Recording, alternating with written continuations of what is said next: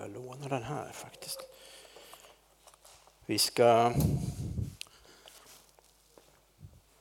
befinna oss i Johannes evangeliet idag. Vad blått det var här. Johannes evangeliet är ju lite annorlunda från de andra evangelierna. Det, är ju, det skrevs senare än alla andra evangelier. Eh, Johannes var en gammal man när han skrev det. Eh, och eh, vad kan han ha varit, 70-80 år kanske. Han gjorde det borta i Efesos. Centrum för den kristna tron hade flyttat från Jerusalem och hamnat i Efesos på grund av den förföljelse som var i Jerusalem. Och i församlingen där borta så börjar man märka att eh, det smög sig in andra läror. Eh, evangelium liksom förvanskades och förvreds. Så man såg ett behov av att vi behöver ögonvittnesskildringar här. Johannes, du var ju en av dem som var med Jesus. Skriv ner vad Jesus sa, skriv ner vad Jesus gjorde. Och det gjorde Johannes. Eh, så det är alltså skrivet då till troende människor, eh, till lärjungar. En lärjunge skriver till andra lärjungar. Och då kan man ju fundera, jag tänkte så liksom, men kära någon, det här är kanske 50 år efter eh, det han skriver, efter det hände. 50 år skriva ner något, Gunnar Östman, skriva ner något som du var med om för 50 år sedan. Men så kom jag fram till, jo men det, det funkar ju naturligtvis. För att på något sätt, sånt som jag upplever och sånt som jag hör som är väldigt viktigt. Ju längre tiden går så får jag en djupare förståelse av det.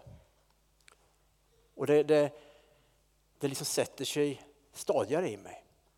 Och sen får vi inte glömma vad Jesus sa, den heliga ande som Fadern ska sända i mitt namn. Han ska lära er allt och påminna er om allt som jag har sagt er. Så jag tror att Johannes evangeliet är fullt, fullt eh, pålitligt. Och eh, med 50 års perspektiv av lärjungarskap så meddelar ju han det som man upplever viktigt för en lärjunge. Och en sak som är tydligt och som skiljer sig från de andra evangelierna, det är att Johannes, han eh, ger mycket mer tid än någon av de andra författarna till Jesu sista tid med sina lärjungar. Eh, Johannes 13, 14, 15, 16 och 17 handlar om den sista tiden som Jesus hade med sina lärjungar. Och om det är några, något bibelstycke som jag vill lyfta upp och uppmana eh, dig att läsa och fördjupa dig så är det just det. Johannes 13, 14, 15, 16, 17. För där är det Jesus och lärjungarna.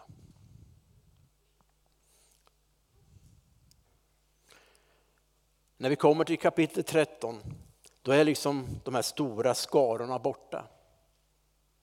Det är bara 12 stycken där som kommer att bli 11. Jesus han tvättar deras fötter, han ger ett exempel på, på eh, att ödmjuka sig, att tjäna. Han eh, instiftar nattvarden. Och han eh, berättar att en av dem kommer att förråda honom. Och ut går Judas. Och så var de bara elva.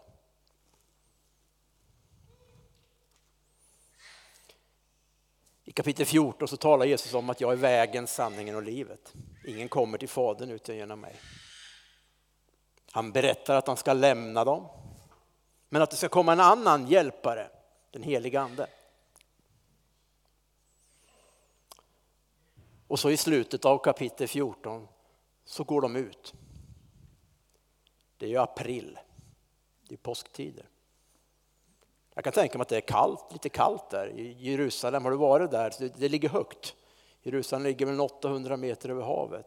Jag kan tänka mig att det var ganska svalt där. De går ut i natten och så lämnar de Jerusalem och går ner i den dal som är mellan Olivberget och Jerusalem, Kidrondalen. Och där någonstans, mitt i natten, inte vet jag om det var månljust eller om de hade någon form av fackla eller lampa med sig. Så börjar Jesus att tala till sina lärjungar. Och han säger så här, från Johannes 15. Jag är den sanna vinstocken och min far är vinodlaren. Varje gren i mig som inte bär frukt tar han bort och varje gren som bär frukt rensar han så att den bär mer frukt. Ni är redan nu rena i kraft av ordet som jag har talat till er. Förbli i mig, så förblir jag i er. Liksom grenen inte kan bära frukt av sig själv om den inte förblir i vinstocken så kan inte heller ni det om ni inte förblir i mig. Jag är vinstocken, ni är grenarna. Om någon förblir i mig och jag i honom så bär han rik frukt. Utan mig kan ni ingenting göra. Om någon inte förblir i mig kastas han ut som en gren och vissnar. Sådana grenar samlar man ihop och kastar i elden och de bränns upp. Om ni förblir i mig och mina ord förblir i er, så be om vad ni vill och ni ska få det. Min far förhärligas när ni bär rik frukt och blir mina lärjungar. Amen. Herre, jag tackar dig för att du har inte upphört att tala till dina lärjungar Jesus. Tack att du la de här orden på din tjänare Johannes så han kunde förmedla dem vidare till oss här idag, Herre. Och jag ber Herre att sanningen i de här orden ska vara verksam i våra liv. Mm. I vår församling, Herre. Och jag ber Herre att eh, du leder oss och formar oss så att våra liv kan bära Herre den frukt som du, du önskar Herre. Det som förhärligar dig och det som gör dig rättvisa.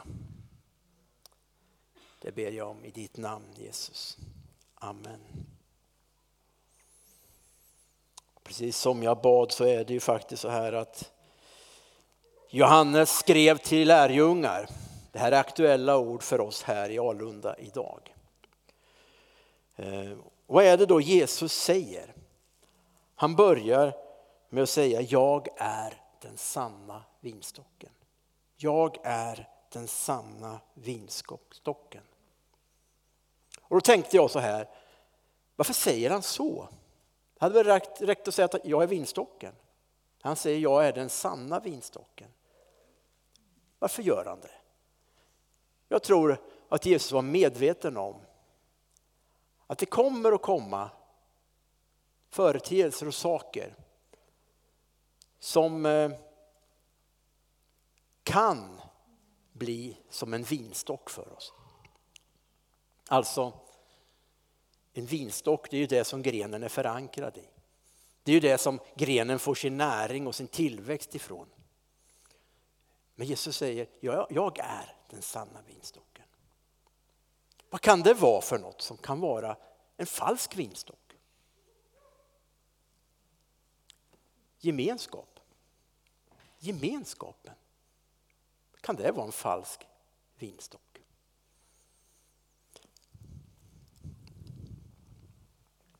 Det är inget ont naturligtvis. Gemenskapen är någonting gott. Det är någonting bra. Men det är inte Jesus. Församlingsgemenskapen i sig själv kan inte förlåta några synder. Bara Jesus kan. Ingen församling kan i sig själv ge dig Guds liv som producerar Guds frukt i ditt liv. Bara Jesus kan. Låt oss aldrig nöja oss med att kyrkan är full av människor.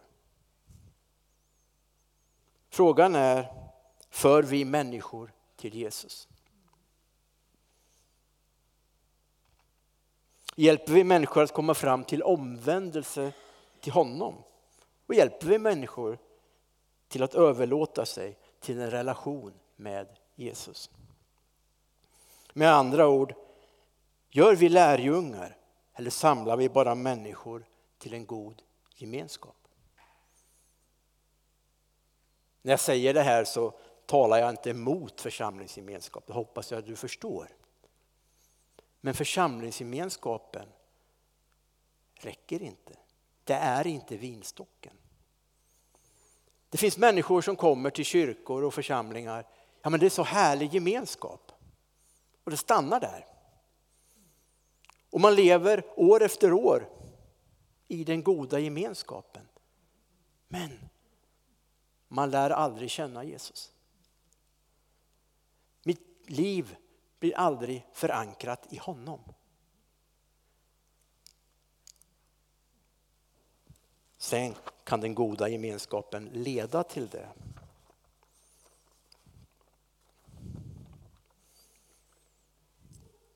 Gemenskapen är inte vinstocken. Gemenskapen är inte vinstocken.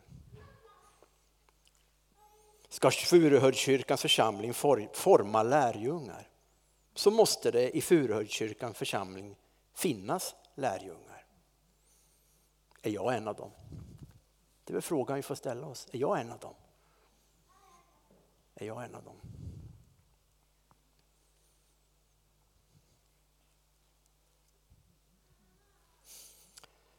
På samma sätt så kan tjänsten och verksamheten och metoderna bli som en falsk vinstock. Man kan bli så uppslukad av det som jag gör så jag glömmer vem jag gör det för. Om det ens är så att han har sagt till mig att göra det. Det kan ju vara så också. All församlingsverksamhet måste komma som en frukt av människors gemenskap med Jesus. Vi behöver inte fler goda idéer. Vi behöver inte mer verksamhet. Jag skulle säga, vi orkar inte med mer verksamhet.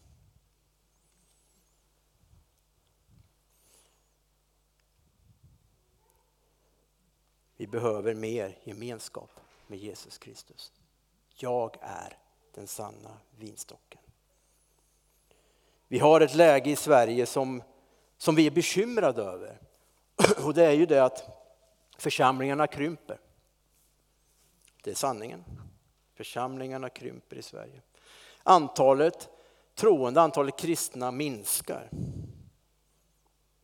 Och det ska vi naturligtvis vara bekymrade över. Det är inte, det är inte bra. Det betyder att Guds rike tappar mark.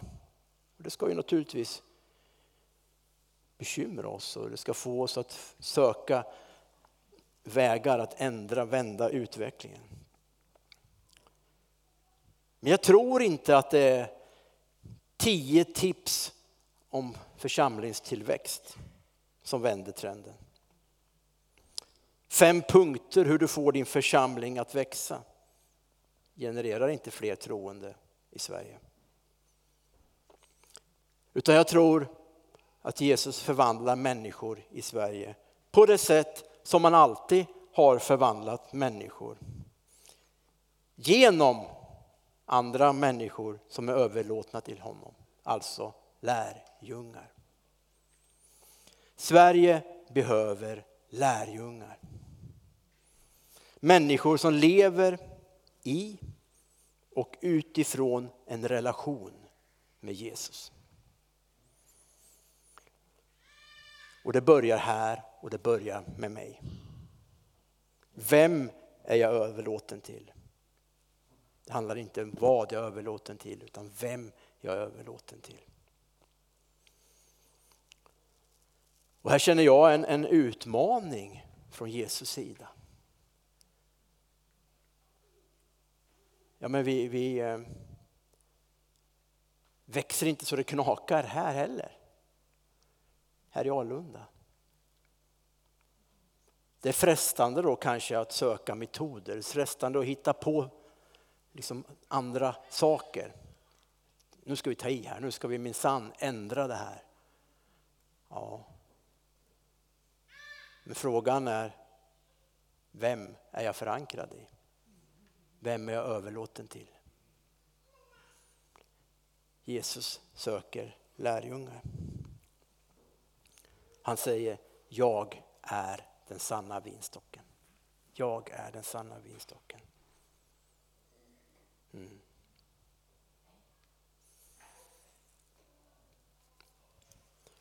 Jag hoppas ni förstår att jag inte är emot varken gemenskap eller sätt att arbeta på. Men om det blir någonting som kanske tar mer plats än Jesus, då har vi missat någonting väldigt viktigt, någonting väldigt centralt. Jag är den sanna vinstocken, säger Jesus.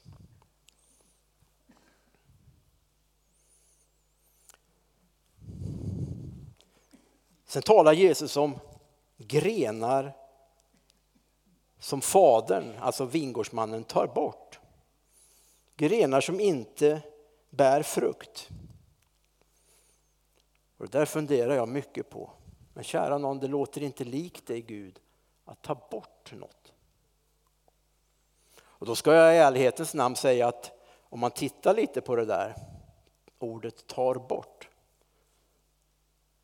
så kan det också översättas lyfter upp. Mm kanske finns en dubbel betydelse i det han säger här. Jag tror att det kan betyda tar bort och det kommer jag komma till. Men det kanske också kan komma betyda att den gren som är nerböjd idag och inte bär frukt, den lyfter han upp så att den ska bära frukt. Men jag tror det finns grenar som inte bär frukt. För att man har fel fokus.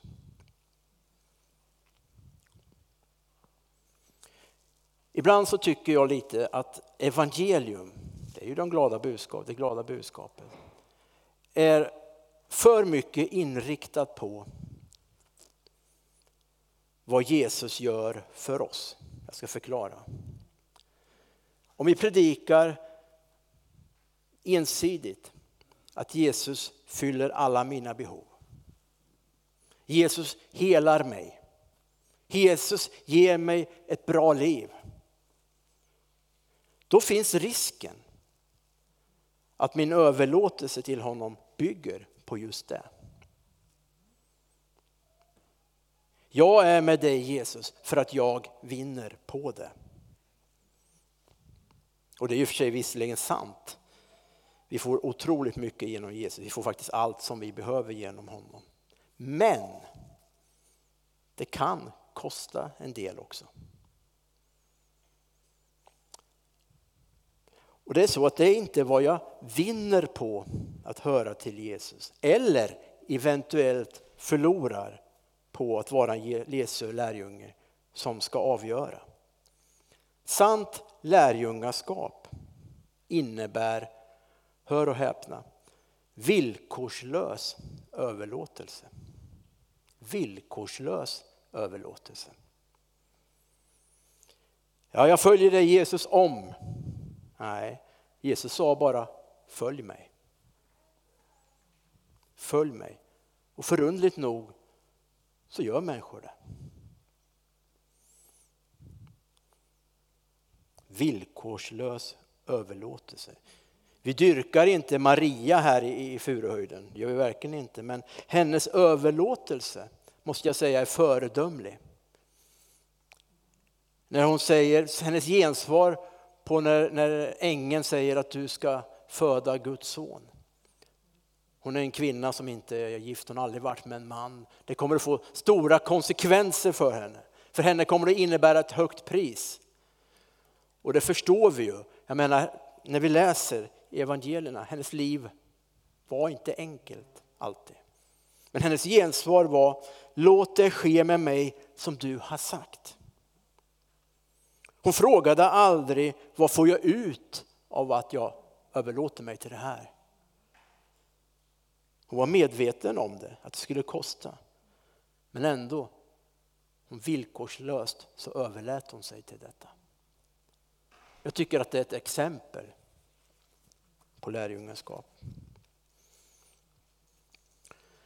Jesus han ägnar faktiskt tio versar i Lukas evangeliet och talar om att beräkna kostnaden att följa honom, att bli en lärjunge. Han säger att ingen bygger en byggnad utan att först räknat ut vad det kostar. På samma, sak, på samma sätt är det med lärjungaskapet. Vi räknar kostnaden. För det är så att överlåta sig till Jesus innebär inte bara att jag får en massa. Det kommer att kosta dig en massa. Jesus är tydlig med det. Han hymlar liksom inte. Han säger så här, om någon vill följa mig ska han förneka sig själv. Hoppsan. Varje dag ta sitt kors och följa mig. Den som vill rädda sitt liv ska mista det. Men den som mister sitt liv för min skull ska rädda det. Paulus verkar vara en kille som liksom fatt, hade fattat det där. Han talar om sig själv så här att nu lever inte längre jag. Kristus lever i mig. Kristus lever i mig. Och jag tänker om jag är en gren i Kristus som egentligen inte vill bära frukten. Jag är bara här för min egen skull, för grenens skull. Jag är inte beredd att låta det påverka mig på det sättet. Bära frukt är en börda. Ja. Det står liksom då att den grenen klipps liksom bort. För den, den är inte beredd att fylla det syfte som grenen har. Och det här vill jag inte säga, det säger jag inte som ett hot eller på något sätt. Utan jag säger det för att upplysa oss alla om lärjungaskapets förutsättningar så att säga. Varför är jag kallad till en lärjunge? Men det är för att bära frukt. Jag är inte en lärjunge för min egen skull. Det är inte så. När jag är nyfrälst så kanske jag tänker så. Men med tiden när jag mognar så inser jag, jag är kallad till Kristus för Kristus skull.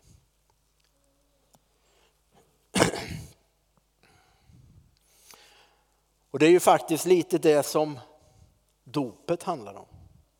Jag vet inte om det är någon här inne som inte är döpt. Jag tycker du ska ta en, en, en riktig funderare på det där med dopet. Skjut inte frågan ifrån dig. Oavsett ålder. För dopet handlar just om det här. När jag kliver ner, vi kallar det ju för dopgrav. Och det är ju så när, när jag kliver ner i den här dopgraven.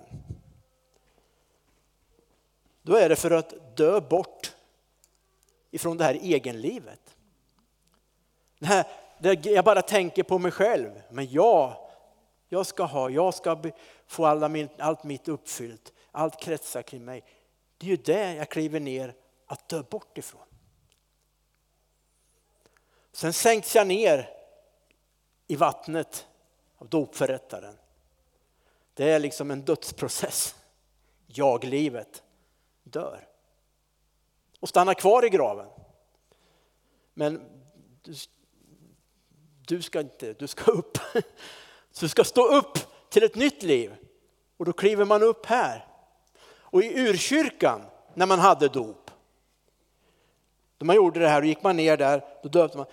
I första församlingen, tidiga församlingen, då stod det människor liksom här där man gick upp då vid vattnet och uttalade Jesus över de här människorna.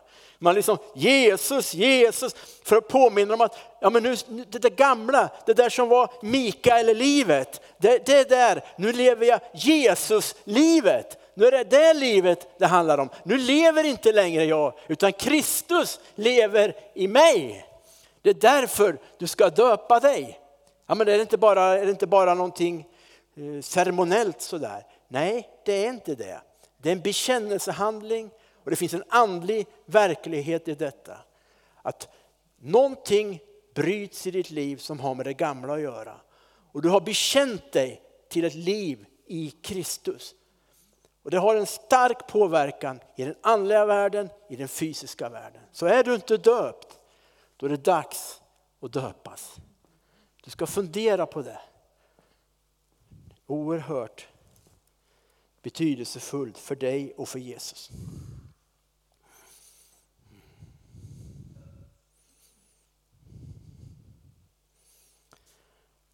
Det var grenen som inte ville bära frukt.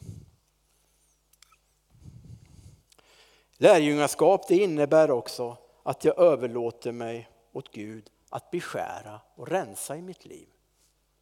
Det där låter inte roligt. Aha. Det kan ju vara så. Det finns ingen, ingen hejd på hur mycket en gren, en sån här vingren kan vilja växa. Det är en otrolig växtkraft i en sån här gren. Och så kan det ju vara i mitt liv också. Det finns två sidor av det här. Det ena det är att det finns något i oss som vill synas. Det finns något i oss som vill ha bekräftelse av människor för de vi är. Och eh, ibland så kan våra liv liksom bli fulla av löv av egen liv. Så att det, det skymmer faktiskt den där frukten som finns där. Och när man beskär en vin, ett, vinstock, ett vinstock så här, en vingren, man klipper ganska mycket faktiskt. Förvånansvärt mycket. Jag tycker nästan man, man ska klippa för mycket när man ska följa de här anvisningarna. Men det är ju, för det handlar inte om grenen, det handlar om frukten. Det handlar inte om grenen, det handlar om frukten. Och jag kan ju med mitt liv svälla ut väldigt mycket. Ja, men jag vill göra det här och jag gör det naturligtvis för Kristus. Kan det ju vara, men egentligen så har det sin grund i någonting annat. Att jag vill växa mig stor och jag vill, jag vill synas och jag vill växa på ett sätt som kanske inte gör det möjligt för att frukten ska finnas där. Då får Gud faktiskt tillträde och rensa och ta bort det som inte ska finnas där. Han är ju ändå den som vet, han är ju vingårdsmästaren. Det är den ena sidan av det. Den andra sidan, det är också att det kan finnas någonting i mig som vill dra mig tillbaka. Å ena sidan vill jag synas med det som är mig själv så att säga. Å andra sidan vill jag gömma undan det som har med Jesus att göra.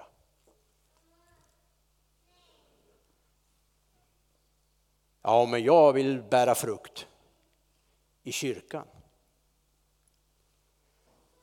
Ja, jag tror att jag är grenen som växer inåt. Nej. Om Gud i ena fallet beskär, så i andra fallet så lyfter han fram.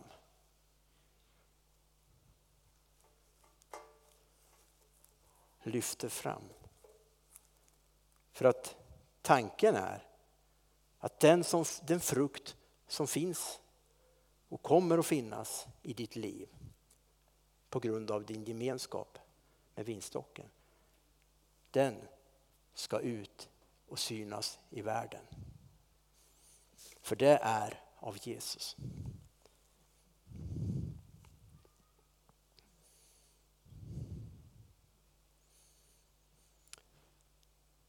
Grenens uppgift är att bära fram frukten. Vi är grenarna. Vår uppgift är att bära fram frukten.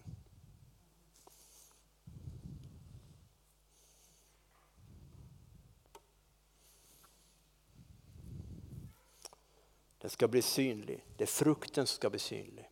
Inte grenen, inte jag. Utan den frukt som kommer utifrån min relation med Jesus. Och frukten, den representerar alltid vinstocken.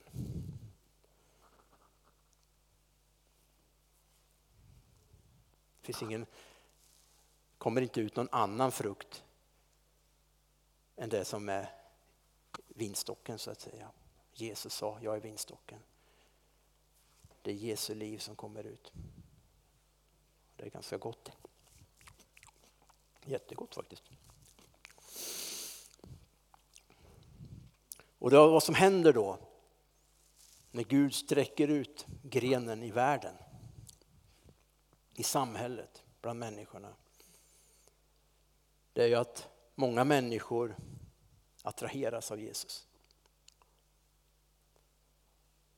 Det drar människor till Jesus. Då får vi hjälpa dem in i gemenskap i vinstocken. Gud kallar på människor. Han gör det genom att uppenbara vem Jesus är genom våra liv. Det är det ena som händer. Det andra som händer det är att en del blir jättearga. För att Jesus avslöjar i människors liv. Och det är inte alla som tycker om det. Det är till och med så att Jesus säger i världen får ni lida. I världen får ni lida och så sträcker han liksom ut oss i världen. Tack Jesus. I världen får ni lida. Men det är, vi är kallade till det. Vi är kallade till det. Och jag, jag har funderat mycket på det här och eh, suttit och mediterat över vad det innebär att vara en gren. Och jag kommer fram till att det finns ingen säkrare plats för mig än att vara i vinstocken. Jag är visserligen utsatt i världen. Det talar ju Jesus om. Ni kommer att bli hatade av alla för mitt namns skull, säger han. Det låter inte så bra. Och han säger precis som jag sa, i världen får ni lida.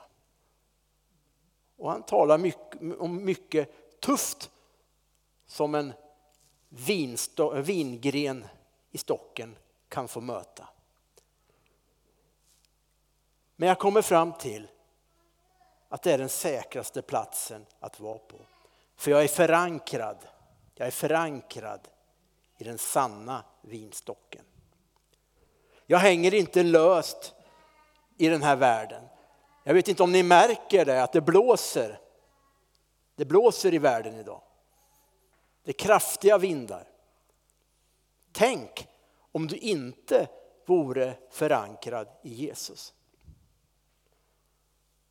Hur skulle ditt liv se ut då?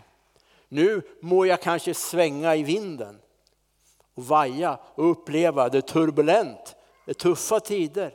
Men jag är ändå förankrad i han som säger frukta inte. Jag är förankrad i han som heter fridsfursten. Jag är förankrad i honom som säger jag har all makt i himlen och på jorden. Och jag har funderat på det för egen del. Tänk om det skulle vara så att jag får mista mitt liv för min tro. Och jag kommer fram till det. Och jag säger det inte, säger det inte lätt. Och jag, jag säger det, det är lätt att säga nu. Men jag hävdar att det finns värre saker än att dö som en gren i Kristus. För då går jag bara hem till honom. Tänk att gå ur tiden och inte vara förankrad i honom. Inte vara en gren i Kristus. Så det är inte det farligaste som kan hända, att jag mister mitt liv för Jesus skull. Jesus kallar oss till lärjungaskap. Och det handlar om gemenskap med honom. Det handlar om att umgås med hans ord. Och det handlar om att ha en levande relation i bön med Jesus Kristus. Men det handlar också om att låta det livet bära frukt i mitt liv. Och faktiskt vara beredd att leva ut det livet ute i samhället.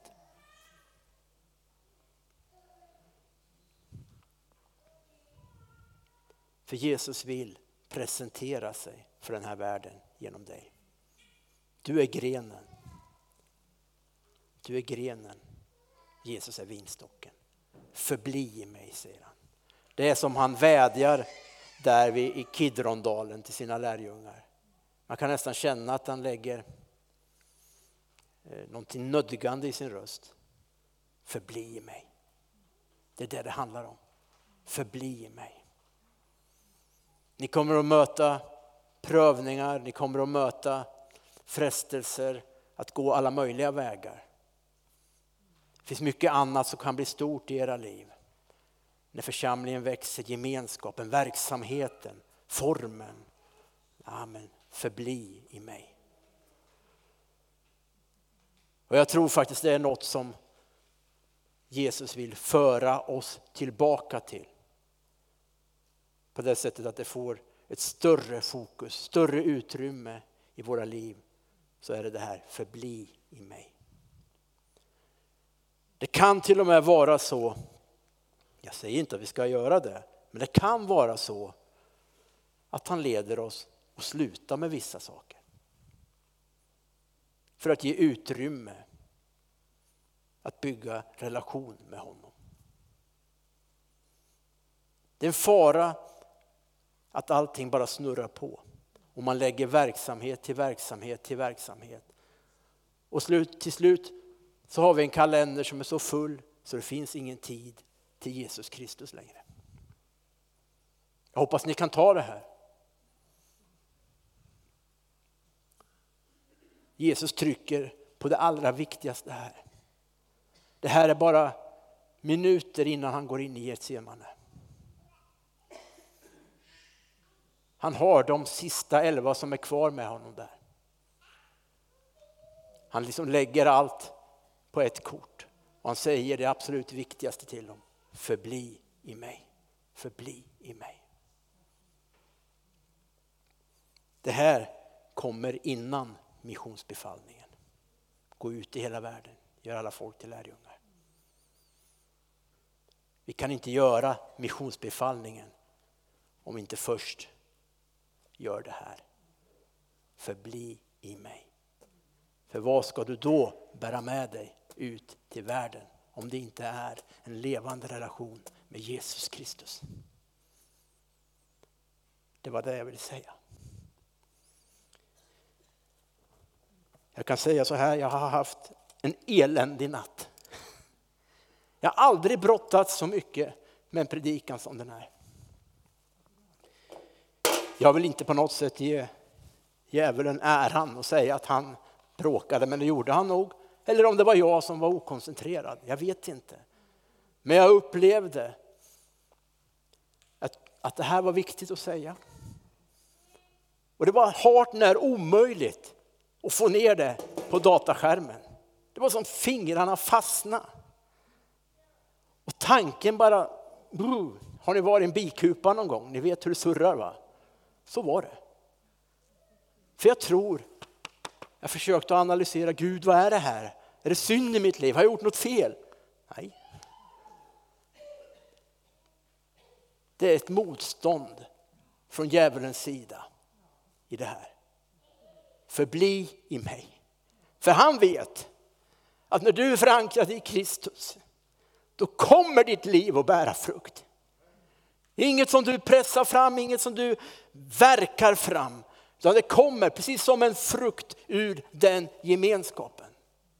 Och han kan nog låta kyrkorna göra allt möjligt utom kanske just detta. Förbli i mig. Nu har jag sagt det och nu ska vi be. Har vi lovsångare här så kan ju ni göra er redo. Herre, jag ber att det här ordet bara ska landa i, i våra liv personligen, Herre. Jag ber Herre att vi inte ska vända blicken mot andra här i det här fallet. Utan jag ber Herre att vi ska stå ödmjukt och Herre och ärligt inför dig. Och jag tackar dig Herre att det är faktiskt du som uppmanar oss till detta. Då vet vi att du tar emot oss och du Herre gör det möjligt Herre och låter oss Herre komma till dig. Jag vill be för, för den som kanske en gång hade en överlåtelse men det har, allt annat kanske har kommit i vägen och saker och ting har blivit viktigare. Jesus, jag ber om att din heliga ande ger kraft Herre till att eh, återigen bara liksom slutas in i dig Jesus. Återigen bara vända tillbaka till den första kärleken som, som du säger Herre.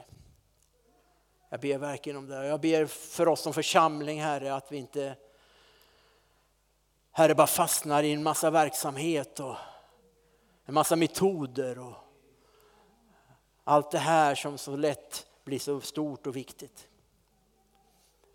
Utan att vi vågar, vågar lägga liksom mödan på det där som kanske ser inte så betydelsefullt ut.